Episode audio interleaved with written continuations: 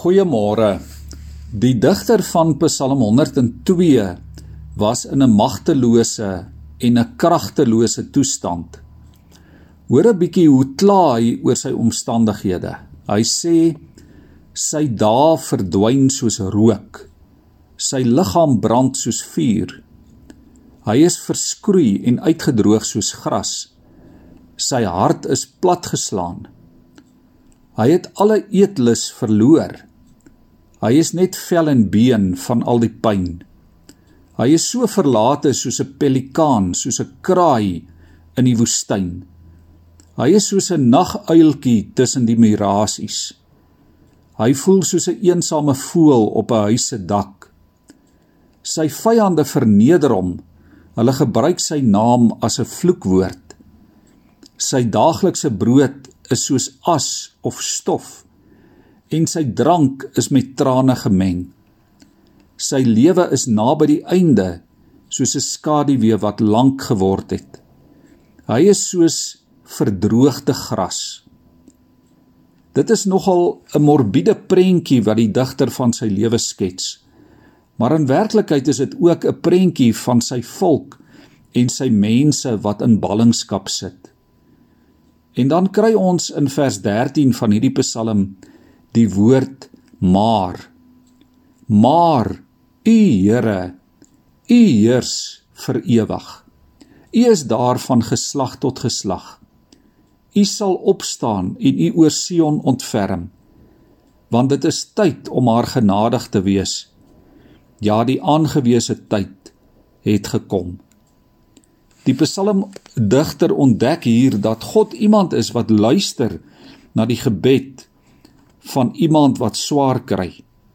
So te sê alles in die lewe verloor het. En God sal uitkoms gee ter wille van die eer van sy naam.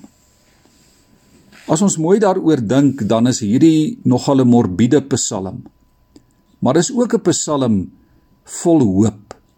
Vers 27 sê: Die hemel en die aarde sal vergaan, maar die Here sal vir ewig bly. Daarom is daar 'n toekoms vol hoop en vol verwagting. Liewe vriende, ons kan baie leer uit hierdie Psalm en uit die belydenis van die psalmdigter. Al gaan dit vandag met jou verskriklik sleg. Al het jy alle rede om morbied te wees. Daar is altyd hoop, want die toekoms, môre en oormôre en die lewe is in God se hande. Dit was ook Martin Luther, die bekende kerkvader, wat gesê het: As hy sou weet dat die wêreld môre vergaan, dan plant hy vandag nog steeds 'n appelboom.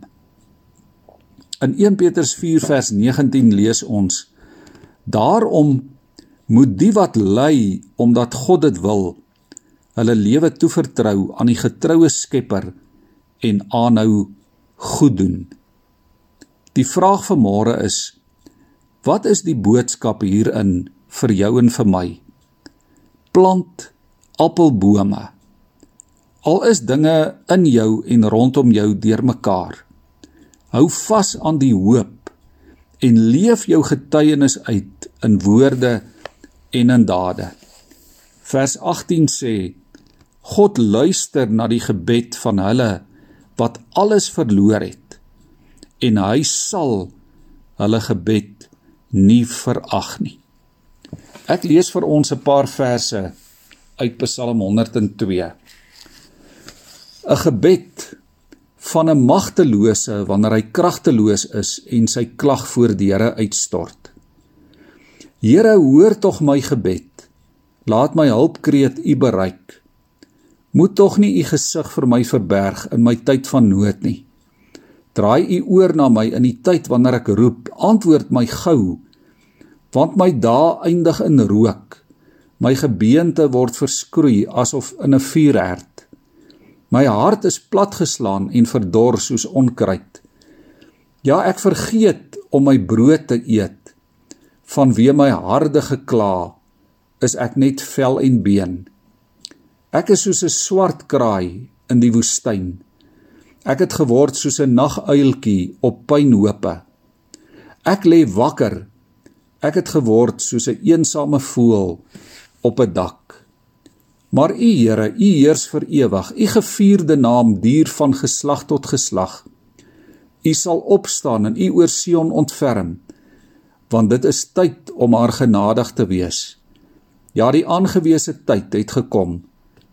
Nasies sal vir die naam van die Here ontzag hê en al die konings van die aarde vir u majesteit wanneer die Here Sion herbou en hy in sy majesteit verskyn het. Hy sal hom na die gebed van armes wend. Hy sal hulle gebed nie minag nie. Kom ons buig ons hoofde voor die Here. Here, dit is so goed om vanmôre te weet dat al gaan dit dalk verskriklik sleg met ons is en bly u die goeie en getroue God. U is nie goed en getrou ter wille van ons nie, maar ter wille van u self. Ter wille van die eer van u heilige naam. Goedheid en getrouheid is wie u is. En daarom Here, hoef ons nie te twyfel nie. Ons is nie verlore in magteloosheid en in kragteloosheid nie, want U is en U bly in beheer. Amen.